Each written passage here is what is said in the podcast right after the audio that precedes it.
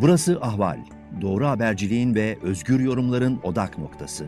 Podcast yayınımıza hoş geldiniz.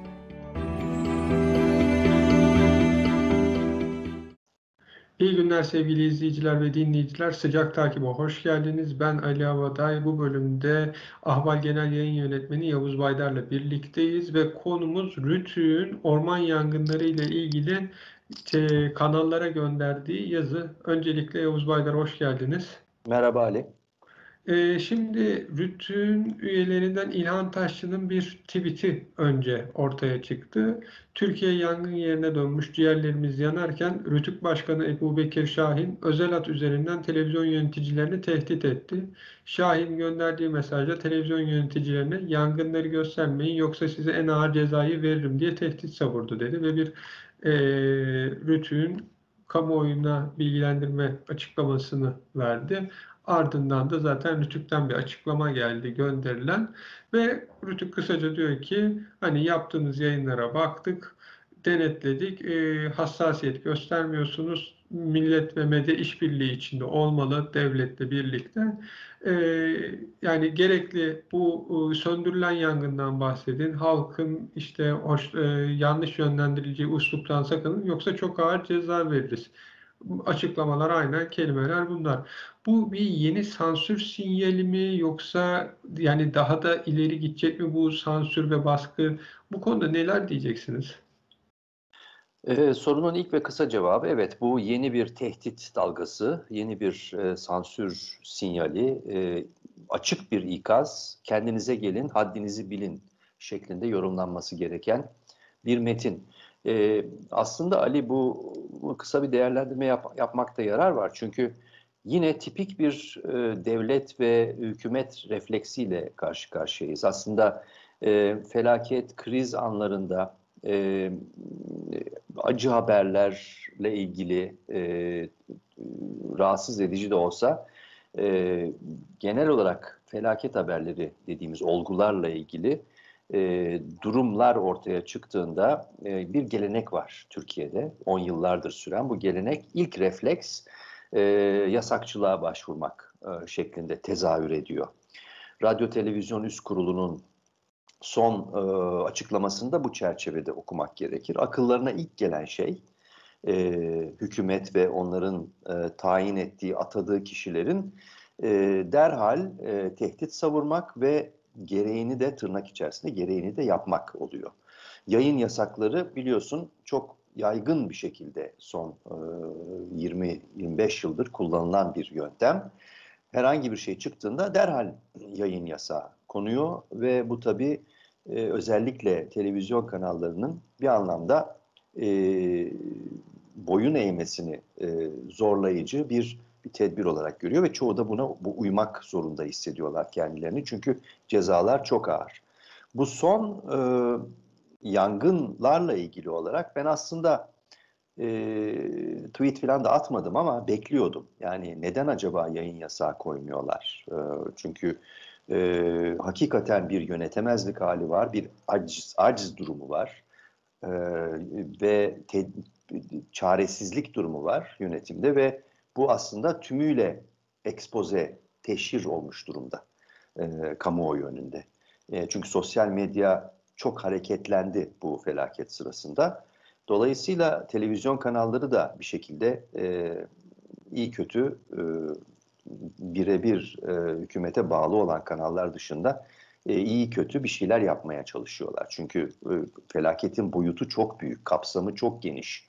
Dolayısıyla yani 80, 90, 100'e yakın e, yangının farklı yerlerde e, birdenbire parladığı bir bir yerde, bir coğrafyada e, çok yani o yüz binlerce, milyonlarca insanın tatile gittiği üstelik bir dönemde çıkması bu haberleri e, örtbas edilemez, e, göz ardı edilemez bir bir bir şey olarak, e, bir olgu olarak kılıyor. Dolayısıyla e, hakikaten bekliyordum çünkü e, zaptu rapt altına alma meselesi söz konusu burada. E, hükümet eğer tedbir alamıyorsa, herhangi bir şey yapamıyorsa ve bu bir yoğun eleştiri ve tepki de öfke dalgasına yol açıyorsa hemen ortaya çıkan tepki bu olur. Nitekim e, bu senin az önce sorunda dile getirmiş olduğun Radyo Televizyon Üst Kurulu Rütük açıklamasından birkaç gün önce, iki gün önce zannediyorum, e, Rütük'ün başkanı Ebu Bekir Şahin e, bana sorarsan feci iki tane tweet attı. Bu tweetler açık bir şekilde e, yayın kuruluşlarına, yayıncı e, medya kuruluşlarına açık tehdit e, e, ifade etmekteydi. Hatta ben de tepki gösterdim. Yani bu doğrudan doğruya bir faşizm dilidir diye. E, ve e, öyle anlaşılıyor ki bu tweetlerden sonra Ebu Bekir Şahin e, sessiz kalmamış, yerinde duramamış ve bu e, yazılı açıklamayı gönderme ihtiyacı duymuş. Tabii şunu da varsayabiliriz ki Ebu Bekir Şahin aynen İletişim Dairesi Başkanı Fahrettin Altun gibi doğrudan doğruya saraya bağlı, e, sarayın atadığı bir kişi. E, Nazi dönemi Almanyası veya Stalin dönemi Sovyetleri gibi bir hükümet komiseri gibi aslında başından beri davranıyor. Kontrolcü, e, doğrudan doğruya saray neyi arzu ediyorsa onu yapmaya çalışan bir şahsiyet. E, dolayısıyla hemen harekete geçti belli ki ve e, bir metin yayınlamış. Bu metni İlhan Taşçı anladığım kadarıyla paylaşıyor. Ve e, uzunca bir metin ama son bölümünü aktararak e, e, yorum yapayım. Diyor ki e, ülkemizde yaşanan her türlü olağanüstü durumda devlet, millet ve medya işbirliği olası krizlerin etkin ve verimli yönetilmesi açısından çok değerlidir diyor. Bir kere bu şunu söyleyelim. Ebu Bekir Şahin'in medya, gazetecilik, habercilik mesleğiyle uzaktan yakından bir ilgisi yok. Korkunç bir cehalet içerisinde. Bir kere medya nedir? Gazetecinin sosyal rolü nedir? Habercinin topluma karşı sorumluluğu nedir? E, dördüncü kuvvet dediğimiz bağımsız kuvvet niteliği nedir? Özgürlüğü, bağımsızlığı, çoğulculuğu bunlardan hiçbirisinin den zerre kadar haberi yok. Dolayısıyla metin baştan aşağı sorunlu.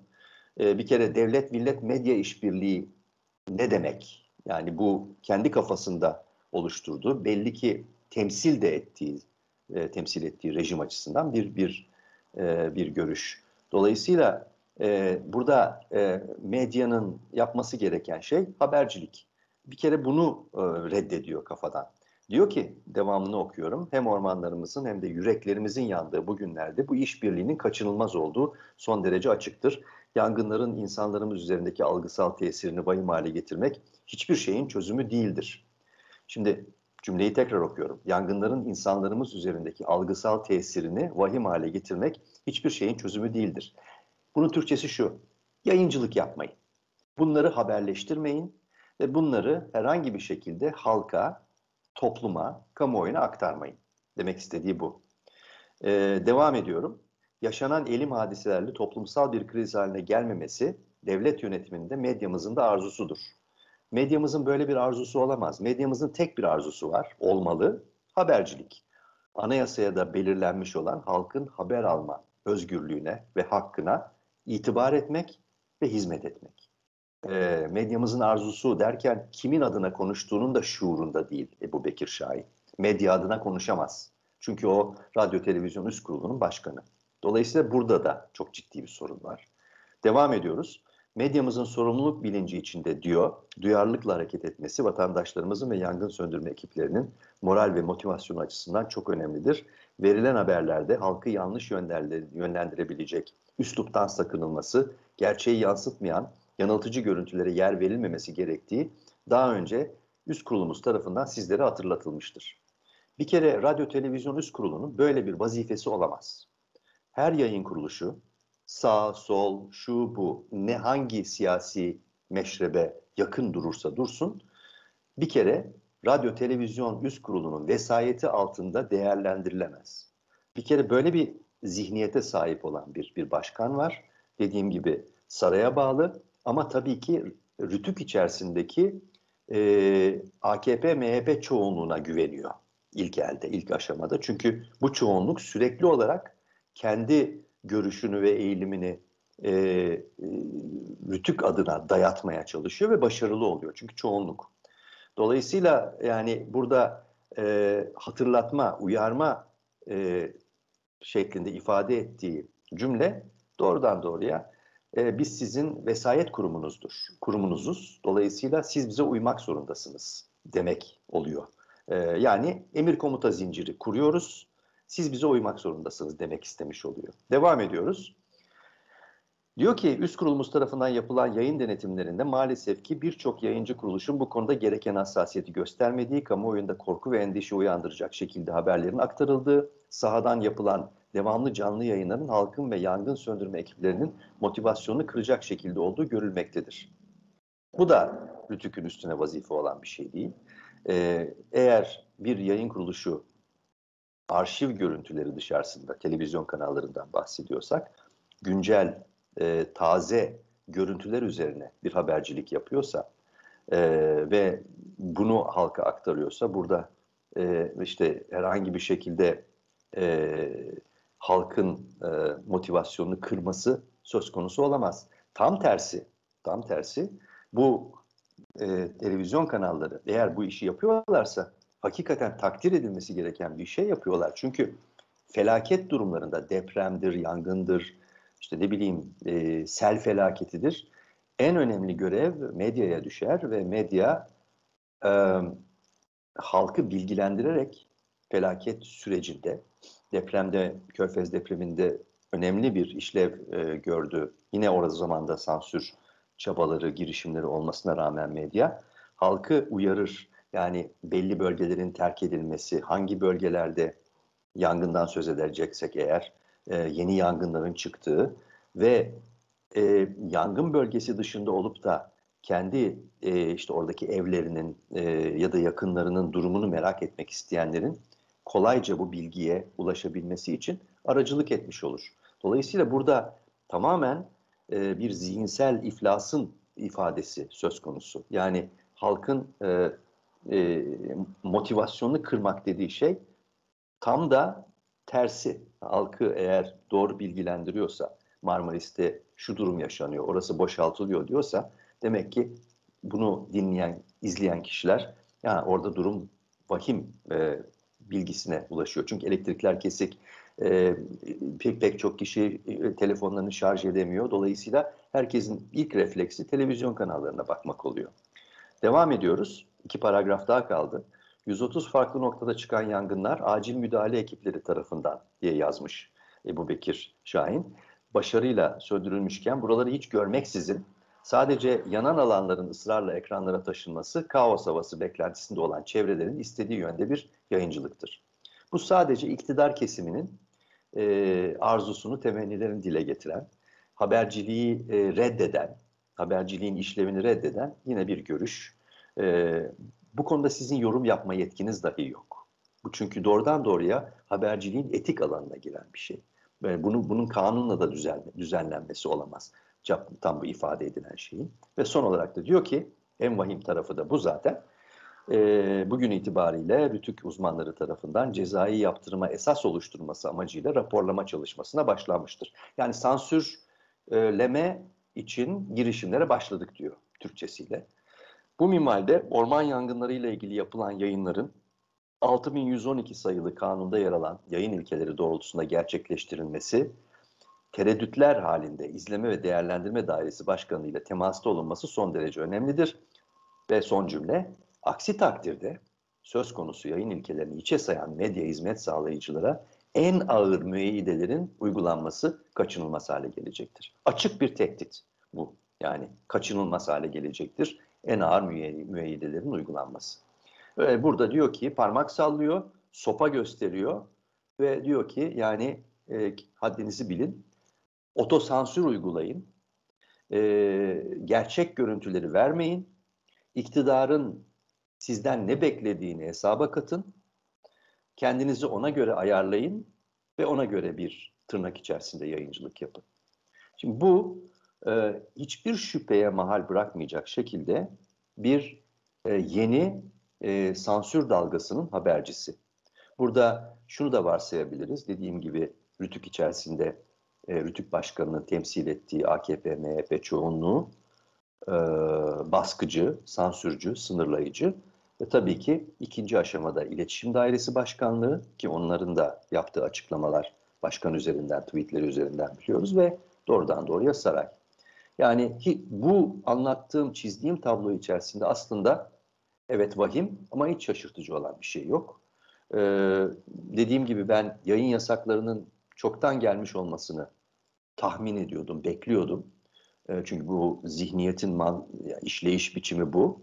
Ama gelmedi. Tahmin ediyorum geç kaldılar ya da tereddüt ettiler. Çünkü felaketin boyutu çok geniş bir coğrafyaya yayılıyor. Kontrol edemeyiz dediler.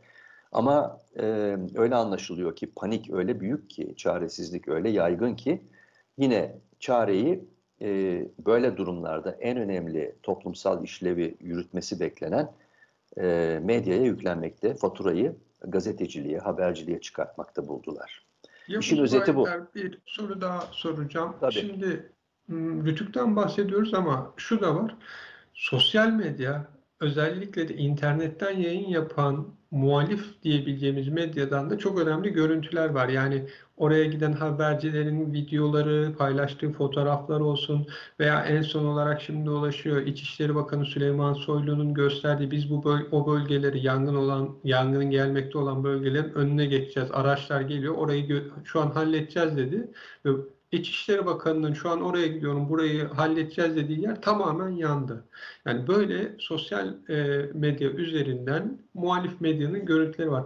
Buradan yola çıkarak e, meclis açıldığında işte Cumhurbaşkanı ve AK Parti Genel Başkanı Tayyip Erdoğan'ın dediği dezenformasyon terörü tanımına uygun yeni bir sosyal medya yasası çıkacak. Yani bunu bu yangınla da birleştirip sizce hem dezenformasyon hem de muhalif medyaya e, daha baskıcı, özellikle internetten yayın yapan medyaya baskıcı bir şekle büründürebilirler mi? Çünkü Rütük onlara çok etki edemiyor. Bu daha çok televizyon kanallarına bu yeni yasayla sizce muhalif internetten yayın yapan e, medyanın durumu ne olur? Nereye gider? Ben e, pek biliyorsun muhalif medya kavramına karşıyım. Yani muhalefet siyasi bir kavram. Muhalefet aynı zamanda statik bir şey. Yani muhalifseniz her şeye muhalifsiniz. Sürekli olarak muhalefet üzerinden bir söylem ve eylem üretirsiniz.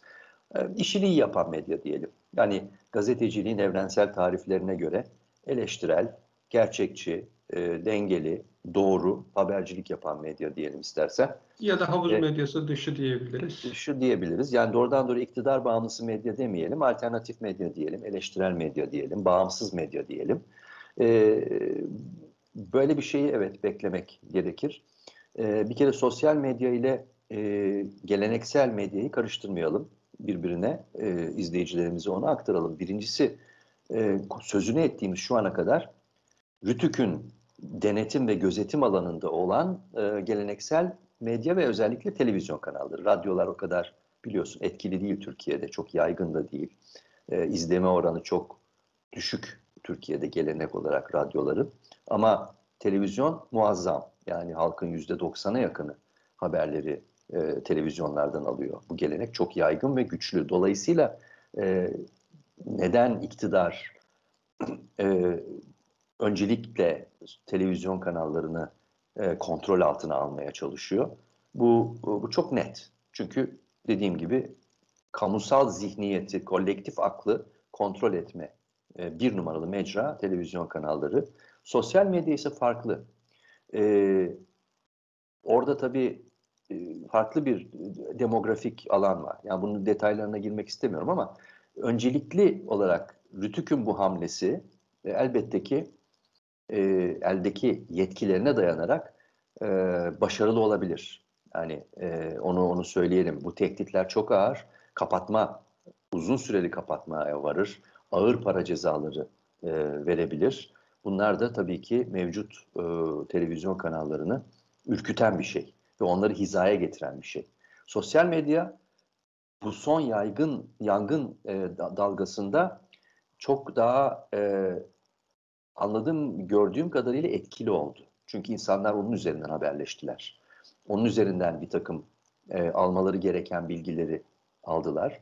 Ama sosyal medya aynı zamanda e, iktidar tarafının birçok e, dezenformasyonunu, yanıltıcı Melih Gökçek'in mesela geçtiği o çok eski bir takım başka yerlerden alınma işte e, Karşı yangın söndürmek için o eğitim videosu drone ile çekilen onu terör örgütünün drone ile yangın çıkardığına şeklinde tweet attı. Evet, çok da takipçisi var. Buna benzer e, ve aynı zamanda tabii e, kışkırtıcı, ırkçı, e, şiddet çağrısında bulunan doğrudan veya dolaylı olarak mesajlar da bunun içerisinde. Ama dediğim gibi pek çok o, e, sivil yapı ya da bireyler, vatandaşlar e, sosyal medya üzerinden, Twitter üzerinden veya Instagram üzerinden haberleşerek bir takım bilgilere ulaştılar. Ona göre e, kendi kararlarını aldılar ve harekete geçtiler. Şimdi e, dediğim gibi burada toparlayalım. Rütük e, tehdidi çok ciddiye alınması gereken bir tehdit.